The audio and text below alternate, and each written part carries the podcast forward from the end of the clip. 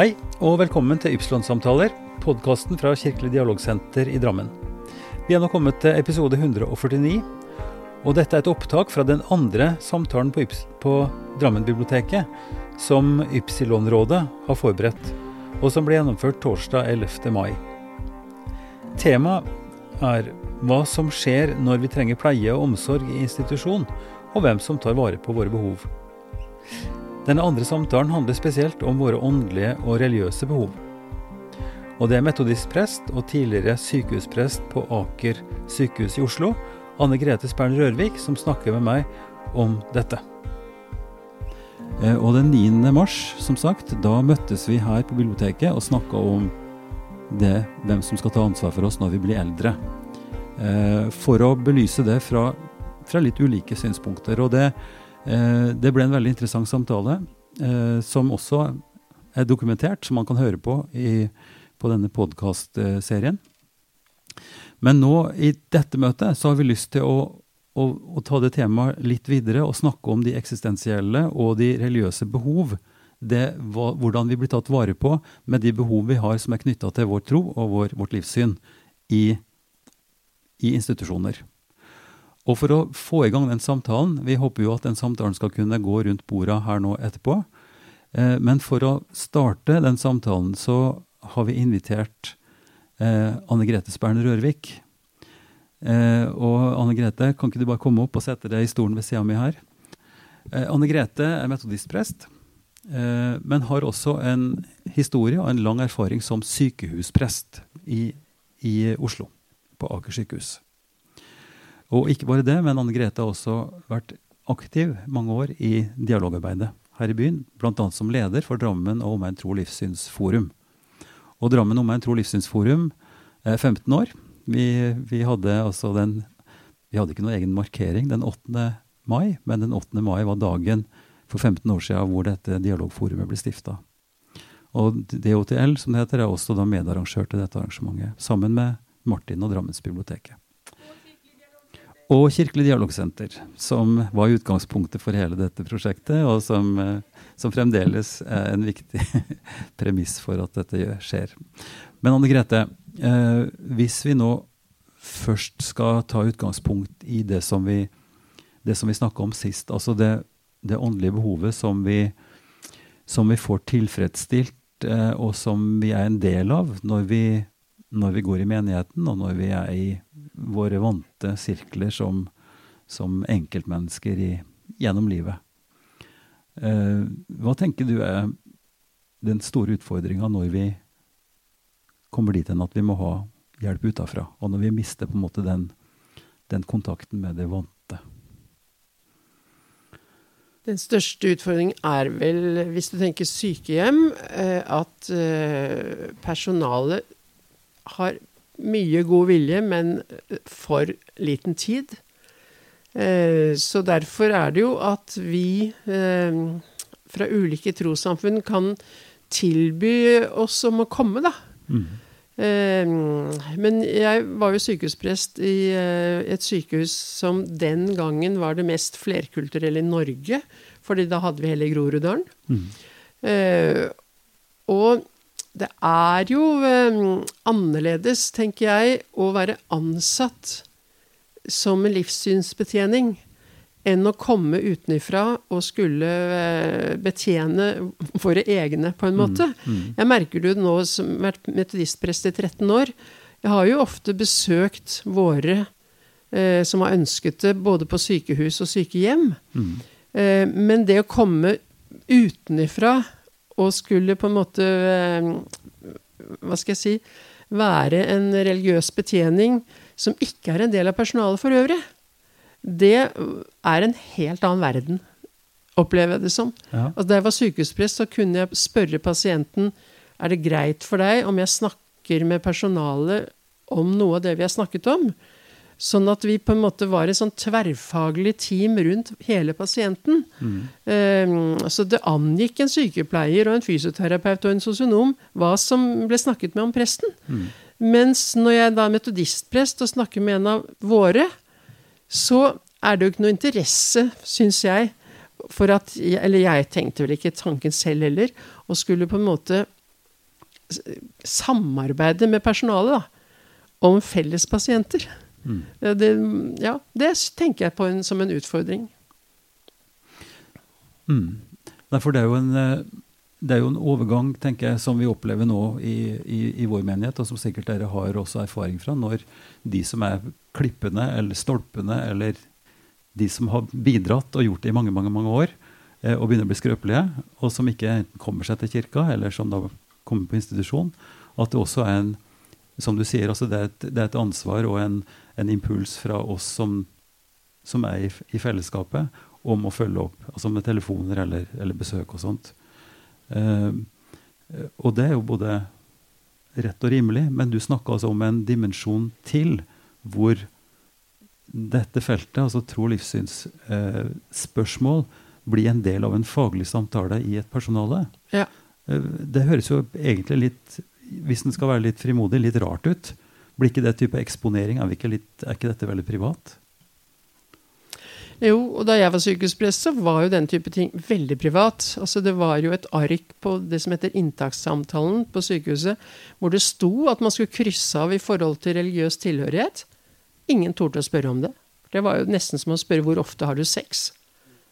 Um, så da jobbet vi litt sammen, flere tverrfaglige, og fra prestetjenesten så sa vi kan dere ikke spørre om er det noe ved ditt livssyn som du vil vi skal ta hensyn til? Det var et spørsmål som de, de torde å, å, å spørre om. For da handler det jo alt fra ufarlig mat til hva det måtte være. ikke sant? Så det, det hjalp. Men vi hadde jo undervisning om f.eks. døden i ulike religioner. Det var jo viktig for alle å vite hvordan tenker en pasient som ligger der og skal dø. Mm. Og at det har med religion å gjøre. Mm. Og, og jeg tenker også at det å møte døden i hvitøyet, enten det er på sykehus eller sykehjem, det vekker eksistensielle spørsmål hokke som. Mm. Eh, og ordet krise er jo nettopp dette at man begynner å tenke annerledes enn før. Eh, og jeg har jo opplevd at ateister kunne bli interessert i å bli bedt for. Kristne begynte å tvile på sin tro. Altså, du hadde liksom alt. Mm. Eh, ja. Og det betyr vel da egentlig at tro- og livssynsspørsmål, religiøse spørsmål, blir alminneliggjort? Veldig. At det, at det er en hverdagslig sak som ikke skal være tabubehefta, på en måte? Eh, Samtidig så tenker jeg at eh, hvis man er på en institusjon og blir glad i de som steller en, så kan det hende at man har lyst til å snakke med akkurat den, det personalet, om sine egne tanker om den slags ting. Mm. Jeg har selv ligget på sykehuset i sorg to ganger. Og særlig den første gangen husker jeg tenkte bare de nå ikke kommer drassende med noe prest. For jeg ville heller eh, snakke med den sykepleieren som ga meg masse omsorg. Eh, og fordi at en prest er ikke prest. I hvert fall ikke for meg. Jeg ville vite litt mer om den presten i så fall. Mm. Og den gang var det jo tidlig sånn hvor det var kvinneprestmotstand og den slags ting. Og jeg tenkte fri å bevare meg, hva er det jeg skulle få et sånt menneske på, på besøk? En kvinnelig prest? Ja, nei, altså en kvinnepressmotstander. Eh, Det et så, eh, så, så, så det er noe med at hvis vi som beboer eller pasient har plukket ut en av personalet som vi får tillit til, Mm. så er det ofte at de blir på en måte utvalgt til å kunne snakke om eksistensielle spørsmål til oss. Mm. Jeg husker for ja, da begynner det å bli 30 år siden, tror jeg. En veldig ganske sånn kjent psykiater i statene, Anna Maria Risutto, eh, som er opptatt av foreldrebilder og gudsbilder. Hun var på Modum og skulle, var veldig opptatt av den gangen at til og med psykiatere måtte tore å snakke om troen til pasientene sine. Og den gangen, da var det veldig sånn Det gjorde man bare ikke. Selv på Modum gjorde man ikke det. Og da husker jeg det var en uh, kristen psykiater fra salen som, rop, som rakk opp hånden, og så sa, uh, sa han at ja, men hvis man føler at man ikke har kompetanse til å snakke uh, om troen med pasienter Han var kristen selv, altså. Er det da så galt å si vi har prest som du kan snakke med? Og da svarte denne lille damen Hvis du syns du ikke har kompetanse til å snakke med dine pasienter om troen deres, så er det kanskje du som får snakke med et prest, da. Ja. Så det er ett Jo, aspekt. jo, men, det er, ikke- men det er ikke utgangspunktet for den forsiktigheten, da, eller den profesjonelle forsiktigheten, at en ikke ønsker at noen skal bli pressa av en eller annen Altså det er en slags følelse av at religion blir nesten et overgrep. ja. Og det kan det bli. At, at, man blir, at man blir på en måte satt i en eller annen type situasjon hvor, hvor makta, da, eller altså den som har religionsautoritet, skal komme og fortelle deg Mm. et eller annet. Ja. At du blir, at du blir liksom i Ja.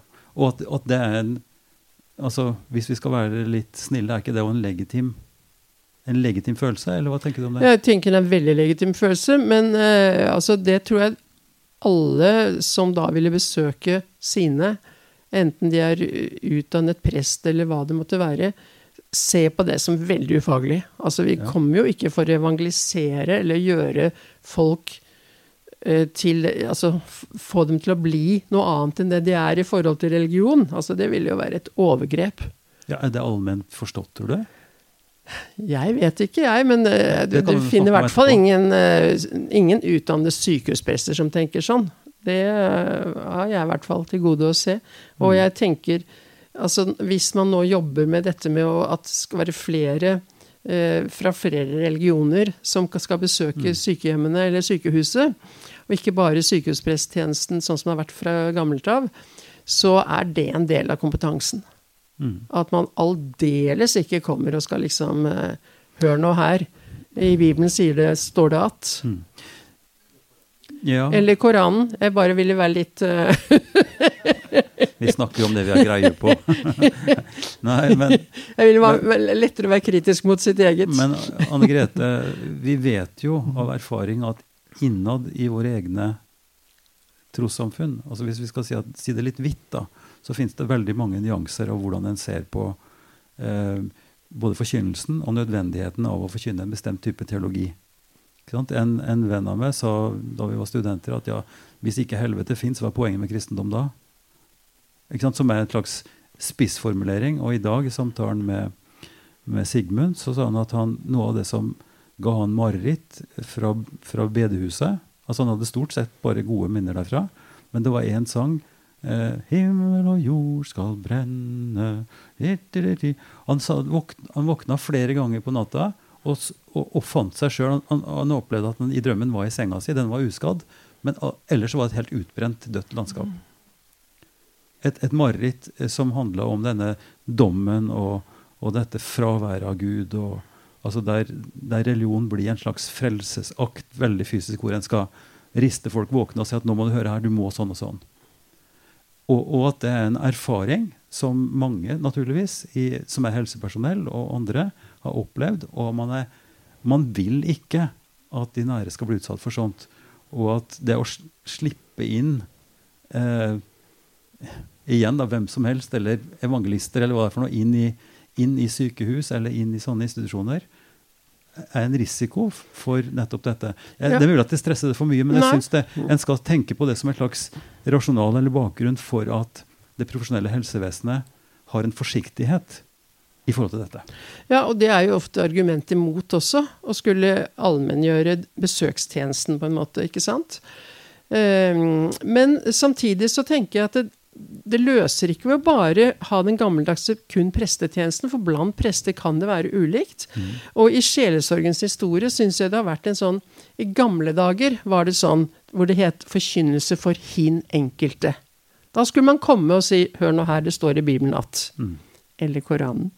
Men så ble det en sånn reaksjon mot det, som ble veldig sånn at man ikke kunne stille opp som teolog, eh, og bare hummet, som jeg kaller det da, ikke sant. Og den der litt fleipete vitsen med at, at hvor det ble sånn eh, hvor mye er klokken? Ja, hva tror du selv, da?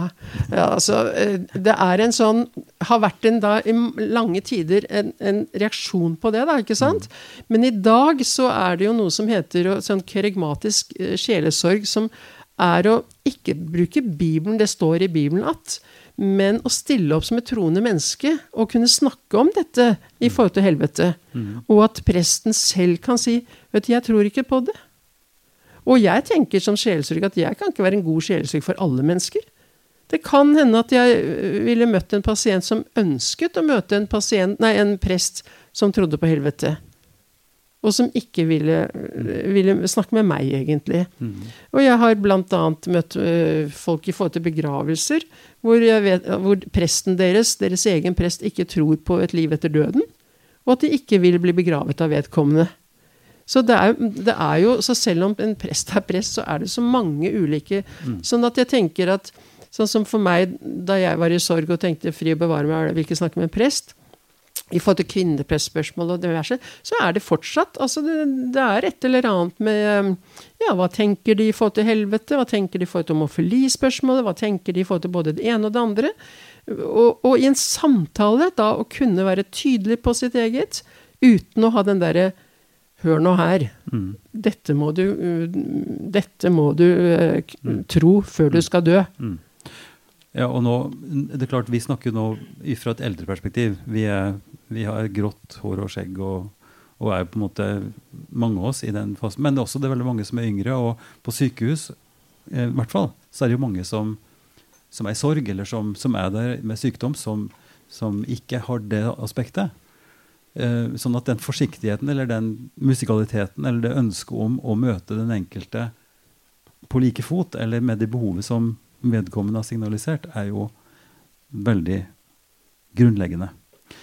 Men kanskje kunne vi da ta et skritt videre og si at ja, er det da sånn som noen så friskt har sagt og vil si at ja, men da, da er det greit nok at da Den norske kirke har sine sykehusprester, hva trenger vi da av annet? Er ikke de så åpne at da kan de betjene hvem som helst? Trenger vi imamer eller livssynsnøytrale eller altså livssynsetikere eller hva som helst? Dette er jo en debatt som går, men, men ut ifra den tanken at vi er der som samtalepartnere som ønsker det beste for alle, nesten uavhengig. eh, Hvor, hvor er grensen? Hvorfor er det viktig med en, med en Ja, noen, noen vil jo da si at den presidenten man har, hvis, eh, bør kunne betjene alle. Mm. Og da eh, jeg var sykehusprest, så var det i hvert fall sånn at vi da visste hvem vi kunne ringe til av, folk fra andre religioner, og andre konfesjoner også. Mm. Eh, Men i dag så er det jo vanlig å tenke at det er i hvert fall i visse situasjoner man ønsker å snakke med en religiøs betjening som tilhører den samme religionen som en selv. Og da er det at dette kommer inn i bildet, ikke sant. Og at det er litt sånn, hører med til en viss hegemoni, at det kun er prester fra Den norske kirke som skal eh, som er gode på samtaler, og som, skal, og som er gode til å snakke om troen til folk. Men samtidig så er det jo eh, det, er jo det er jo ikke så statisk hvordan man tenker. Og jeg tenker at eh, muslimer og kristne kan finne hverandre på tvers. Eh, på både, altså Ordet konservativ og radikal kan være på tvers av religioner. Altså Det kan være eh, om hvor, eh, hvor spirituell verden man tilhører. Tenker man på seg selv som mystiker? Altså Her kan vi treffe hverandre på tvers av religioner også. Og det er kanskje vel så interessant. Hva slags religiøs betjening ønsker jeg? Eh, Ønsker jeg en mystiker, eller ønsker jeg en veldig rasjonell type? Altså, kanskje mer enn akkurat hvorvidt det er en muslim eller kristen eller hindu. Mm. Så det betyr at behovet vil være individuelt. Eh, vi er forskjellige, veldig forskjellige innenfor en gitt sammenheng. Eh, selv en teolog og en prest betakker seg for å ha en prest på besøk. Ikke sant? Det er jo interessant. Og da til og med gikk jeg på praktikum, og jeg har vært veldig overrasket over min egen reaksjon, fordi at jeg tenkte at da burde jeg jo gått tilbake til praktikum og tenke Og det var så viktig for meg å kunne snakke med prest akkurat i den situasjonen. Altså Det var mye i meg som skulle på en måte eh, Det riktige svaret ville vært det. Ja, og, og, og jeg nesten savnet det selv. Eh, at det, så dumt at jeg ikke hadde behov for det. Jeg skal jo bli prest selv, liksom. Men la oss snakke om det individuelle behovet, da. Eh, Er det din erfaring at de åndelige behovene, eller behovet for det som vi snakker så stat, eller sånn firkant om religiøs betjening, er det økende med alderen? Det, Det er gjort litt kommer- forskning på det, og det er veldig u, u, litt forskjellig. Ja. Uh, men, uh, så jeg er ikke så sikker på dette med alder, men at det i hvert fall er noe med uh, I forhold til å møte døden, Mhm. Så er det jo vanlig å tenke liksom, i disse baner og sånn Er det noe etterpå døden? Er det slutt? Mm. Hvis det er noe etterpå, er det, er det himmel og helvete? Eh, kommer alle til Gud? Eh, altså, alle disse spørsmålene kommer mer present, tenker jeg altså. Men da er det også, som du spurte om erfaringer, så, så har jeg en holdt på å si for meg veldig eh, ok erfaring som sier noe om at vi ikke skal heller tenke på hverandre som så statisk i forhold til hvorvidt folk kaller seg det ene eller det andre. For jeg hadde en eh, pasient som var veldig definert eh, som ateist. Han skulle dø, og han var veldig sånn Jeg vil ikke snakke med deg om Gud. Den gjorde vi en avtale på. Jeg besøkte han hver dag. Og, og det var en veldig eksistensiell samtale, og hvor han av og til tenkte 'Jeg vet hva du tenker om dette', men jeg sa ikke noe, for vi hadde gjort en avtale på å ikke snakke om Gud. Og så plutselig så sier han 'Ja, nå ligger alt i Guds hender'. Og det var sånn 'Hæ?' Eh, Hørte jeg riktig? Uh, og da tenkte jeg ok, nå har du brutt avtalen, så da tillater jeg meg å si bare si ifra hvis du vil jeg skal be for deg. Selvsagt vil jeg du skal be for meg! og da ba jeg for han, og han ble komatøs og døde dagen etter. Så det, det sa meg veldig mye om at han presenterte seg som en veldig klar, bevisst ateist. Og det er noe med å respektere det, og ikke vite om eh, hva de egentlig tenker inni seg. Mm. Nei, jeg, jeg spør litt sånn retorisk, på en måte, fordi en stor velsignelse, for å bruke det ordet, for, for meg, og sikkert for deg som fagperson, som prest, det er jo at når, når et dødsfall skjer i en familie, så blir vi invitert inn for å hjelpe til med å bearbeide sorg, kanskje, men å forberede eh, minnetalen. Å snakke om vedkommende, få fram hvem han var, hvem hun var, hva som var viktig, hva som var mindre viktig. Og sånn som jeg har opplevd det, så om, en, om jeg ikke skjønte det før Jeg burde jo ha skjønt det, og det er noe som vi alle vet. Det er jo at ethvert menneskes livsvei er utrolig forskjellig. Og så forma av Kall det tilfeldigheter, eller hva livet har gjort med en, eller hvem en er vokst opp sammen med, eller hvem en er utsatt for. Eh, og at en Da tenker jeg også at en, må jo, hvis en skal ha en viss rasjonell eh, forståelse av det, så må en også forstå at, at forholdet til tro og, og religion og, og alt dette som, som vi nå snakker om som et slags tema her, da, at det også er silt gjennom veldig forskjellige livsskjebner og forståelser. Og at det møtet som en da har med et menneske, uavhengig av alder eller hvilke, når en måtte være i forhold til sykdom, eller sånt, så vil jo det være en, en refleksjon over livet, eh, kanskje først og fremst. Og det eksistensielle trykket, om en vil, eller det som, det som jeg opplever som så vakkert og som så viktig i en begravelsesseremoni, det er jo at, at alle blir minnet på det basale og ganske banale faktum at vi skal dø. En gang skal vi dø. Og at det gir en, en slags tilstedeværelse eller en, en, åpenhet for å tenke de tankene uten at det blir en sånn uh, tvang i det, eller altså, en sånn pekefinger eller et eller annet. Uh, og, og, det tenker jeg enhver samtale da, i utgangspunktet har potensial for. Uh, å kunne åpne opp for å bli mer kjent med den det sårbare, om en vil. Da. Derfor så syns jeg at alt dialogarbeid, altså det å tale og hva det måtte være, eh, har jo noe med trening å gjøre i forhold til å snakke dialogisk. Mm. Altså snakke undrende om hva vi tenker om døden. Mm. Og være nysgjerrig på hverandre i forhold til uh, ja, alle de spørsmål som ingen av oss vet. At vi er felles om dette, at ingen av oss vet. Eh, snu litt på det igjen. Uh, og tenke på de som da er ansatt om det er sykehusprest eller andre ansatte i et sykehus eller på et pleiehjem, eller hvor det er altså helsepersonell i en stab.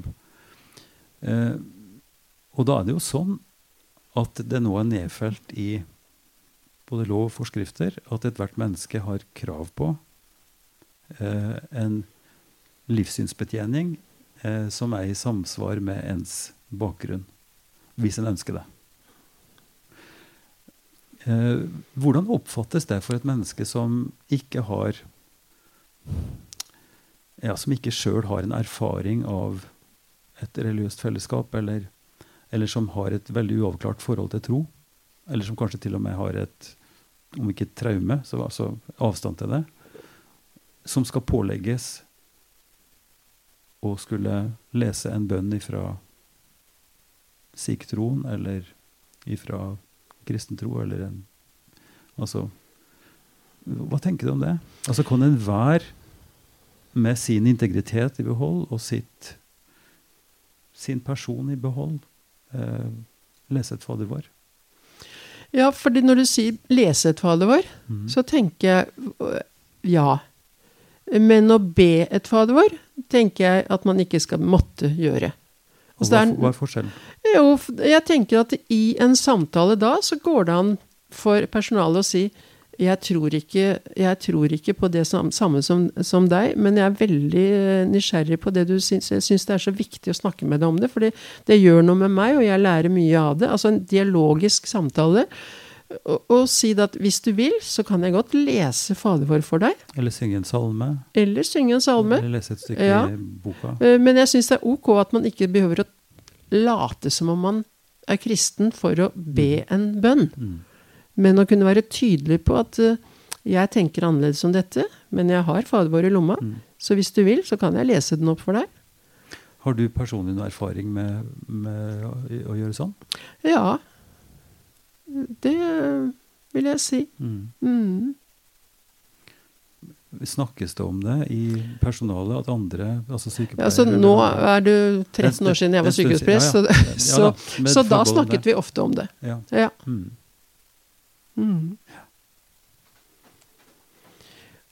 Og så tenker jeg at det som er en sånn Altså én ting er det religiøse, men noe som er veldig felles for alle religioner Det var et foredrag jeg um, hørte en gang som jeg gjorde inntrykk på meg, og, og hun sa at Husk, gamle mennesker sørger mye.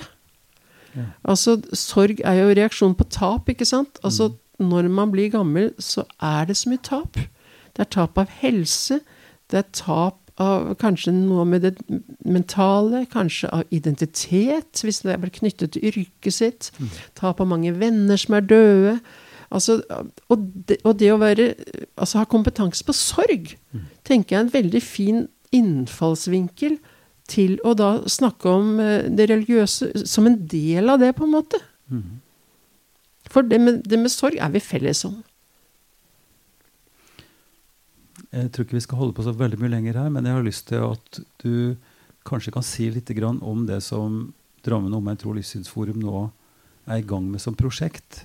Altså det som heter Chaplaincy, som er jo et internasjonalt navn på nettopp den religiøse betjeningen i et sykehus eller i en institusjon. Eh, og hvor det ansatte en koordinator som dessverre ikke kunne være her nå. Hun er bortreist. Men kan ikke du si, For du sitter i en referansegruppe der, ikke sant? Si litt jo. om det. Ja, Hun er da ansatt og jobber med en oppgave om disse tingene, som er midt i blinken for henne. Jeg har bare snakket med henne i telefon. Mm. Eh, virker så voksen og reflektert, og dette tenker jeg blir veldig artig.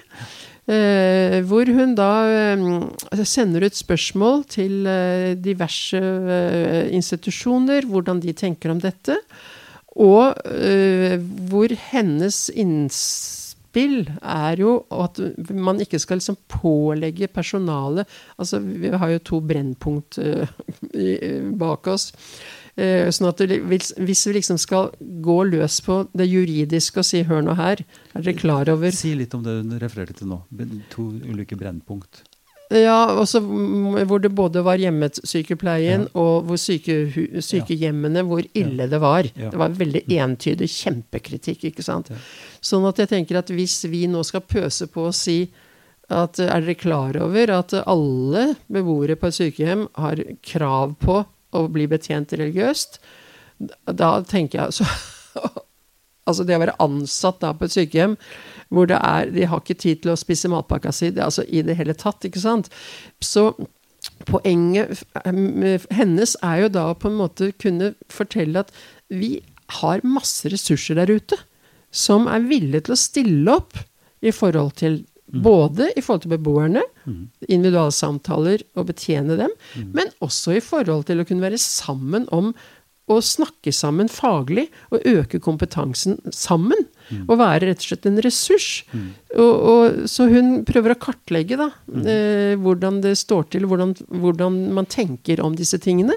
Og så skal det ende opp i et eh, seminar hvor både helsepersonell og religiøs betjening kan, kan snakke sammen. Mm. Veldig spennende prosjekt. For da er vi jo inne på, på den samme skal vi si, samme problemstillingen. At, at en kan være forsiktig. altså Hvem er det da som er kvalifisert til å kunne komme inn og være sammen med, med beboerne eh, på en god måte og trygg måte? Så det ligger, ligger en eller annen type tenkning rundt samtale først, altså kvalifisering på en eller annen måte. Men ikke liksom en fullblods sjelesorgerutdanning, på en måte. Eller? Nei, men, men at, det, at, det, blir en kompetanse, altså en, en viss sånn eh, Sånn at man ja. kan trygge personalet i forhold til å ikke få den type ting som du sa. Altså Her kommer det mm. folk som skal omvende, omvende og komme med helvete og komme med Altså, mm. eh, altså at man trygger personalet på at det er ikke det vi driver med. Mm. Eh, så en viss sånn skolering tenker jeg er viktig, men, men ikke minst da å ha møtepunkter hvor man da får, gir tillit da, til hverandre. Mm. For um, på um, Ullevål, altså Oslo universitetssykehus, uh, der har de jo prøvd seg nå i flere år med en egen uh, religiøs betjening mm. i tillegg til prestetjenesten. Mm. Og i den gruppen var det da både metodister, baptister og muslimer og hinduer og sikher og, og Human-Etisk Forbund. ikke mm. sant? Alle. Um, og de slet jo med å få samtaler. Ja. Fordi prestetjenesten hadde en helt annen tillit som de hadde hatt i årevis, ikke sant. Mm. Sånn at det, vi må bygge Når vi skal liksom begynne med dette nye i Drammen, så må vi bygge tillit i forhold til at vi ikke skal få sånne mm. uh, ja, Jeg kommer jo fra en frikirke, og det er masse myter om frikirkefolk, ikke sant, som kommer og skal uh, konservative og omvende folk og evangelister og mm. Altså i det hele tatt. Det, altså før vi avslutter her, så er det fristende å pirke litt borti det der med altså dialogens vesen. Det at vi, vi møtes på en slags felles, veldig brei, solid plattform av fellesskap som er dypere og og felles da, på en mystisk måte. Altså felles på tross av at vi er veldig forskjellige og har forskjellige på en måte sannhetskrav. Og for, og for, for mange, og av og til for min egen del òg, så er det der et, et, et, ekte dilemma eller et paradoks. Hvordan kan eh, ikke sant, og Det adresserer jo det her med, med den kan vi si, radikale, veldig skarpe forkynnelsen av enten-eller. ikke sant? Veldig polariseringa som vi er midt inne på alle områder nå. Hvordan kan det ha seg at en metodistprest, en kristen, solid dame, faktisk er en, altså, en pådriver til at muslimer og sikher og bahaier og annet fanteri skal ha fri bane? Altså, ja. Altså, dette er jo igjen da, satt på spissen på, til, til, det absurde, egentlig. Men, men, det ligger jo et spørsmål der. Når vi snakker om liv og død, og vi snakker om de mest grunnleggende ting, hvordan kan det ha seg at vi kan stå så felles som det? Ja, jeg tenker ikke fri bane. Jeg nei, tenker nei. at kompetanse er viktig. Ja. Mm. Eh, men en ting som jeg syntes var utrolig oppbyggelig i, da jeg var i styret i DHTL. Mm. Det var da vi begynte med en sånn runde med å ha et eller annet tema og snakke ut fra livssynet vårt. Mm. Vi brukte en hel time på en runde. La meg si vi var åtte mennesker fra ulike religioner og Human-Etisk Forbund. Og jeg gikk hjem fra de møtene og tenkte dette har vært mer oppbyggelig for meg enn den mest oppbyggelige andakt. Altså, og, og, og, og jeg tenker at hvis jeg kommer på et sykehjem noen gang, så har jeg egentlig mer lyst til å lage sånne grupper. Hvor vi kan sitte og snakke sammen fra ulike religioner. Gjerne en eller annen livssynsbetjening som kommer og leder det. Men istedenfor å ha ett menneske å snakke med, så ville jeg gjerne hatt en sånn runde med mange ulike eh, Altså mennesker fra ulike religioner. Og sitte og snakke sammen om ulike temaer ut ifra hvert sitt livssyn. Jeg syns det var så utrolig oppbyggelig. Det var et vitnesbyrd. Det Det var dagens vitnesbyrd. Vi driver nemlig med vitnesbyrd hver eneste gudstjeneste vi, i våre, metodis, i våre gudstjenester. Så det er, det, det, er det Ja, vi takk driver skal du med. ha. Takk for, takk for det. Eh, dermed så tror jeg vi går over til neste punkt her. Det vil si Ja, takk for det. Karoline. Eh, for nå kan vi faktisk realisere det som den, det vitnesbyrdet handler om. At vi kan sette oss rundt bord, og så kan vi reflektere over det som er tema i dag. Dialogprest Karoline Faber innledet den videre samtalen i salen og forteller nærmere om Ypsilon-rådets arbeid dette første halvåret. For at eh, nå er, er vi jo også på en måte kommet til enden av en slags liten prosess, ikke sant? Det Mm. som vi har hatt denne våren, som ulike mennesker har vært kobla på. Hvor vi først snakket om hva er det viktig å snakke om nå, og så fant vi ut ja, eldreomsorg, det er det viktig å snakke om nå. Og så har noen kommet med sine personlige historier om dilemmaer som de står oppi selv, eh, som handler om livssituasjon og kultur og forhold til foreldre, verdier man bærer med seg. Så har vi lagt det frem, og også delt det med andre igjen. Og så har vi på en måte spissa det inn nå på denne situasjonen eh, jeg eller noen som står meg nær, eller eh, noen trenger helsetjenester, og det er individuelt hva vi trenger. Det er individuelt hva vi trenger av alle behov, men også av de åndelige behov. Eh, eller livssynsbehov. De handler jo om samtale, men mens dere snakket nå, så tenkte jeg de handler også f.eks. om kroppen. Mm. Hvordan kroppen skal behandles i tråd med mitt livssyn. Det er flere ting her som vi heller ikke nå har løftet frem, men som spiller en rolle. Og så er det viktig og vanskelig den samhandlingen med å få kartlagt hva er de behovene, og, og få til å, og behandle det mennesket med den størst mulige respekten, eller den størst, i tråd med de behovene som er, som vi alle har rett til, og som det på en måte står til vår menneskelige verdighet å få.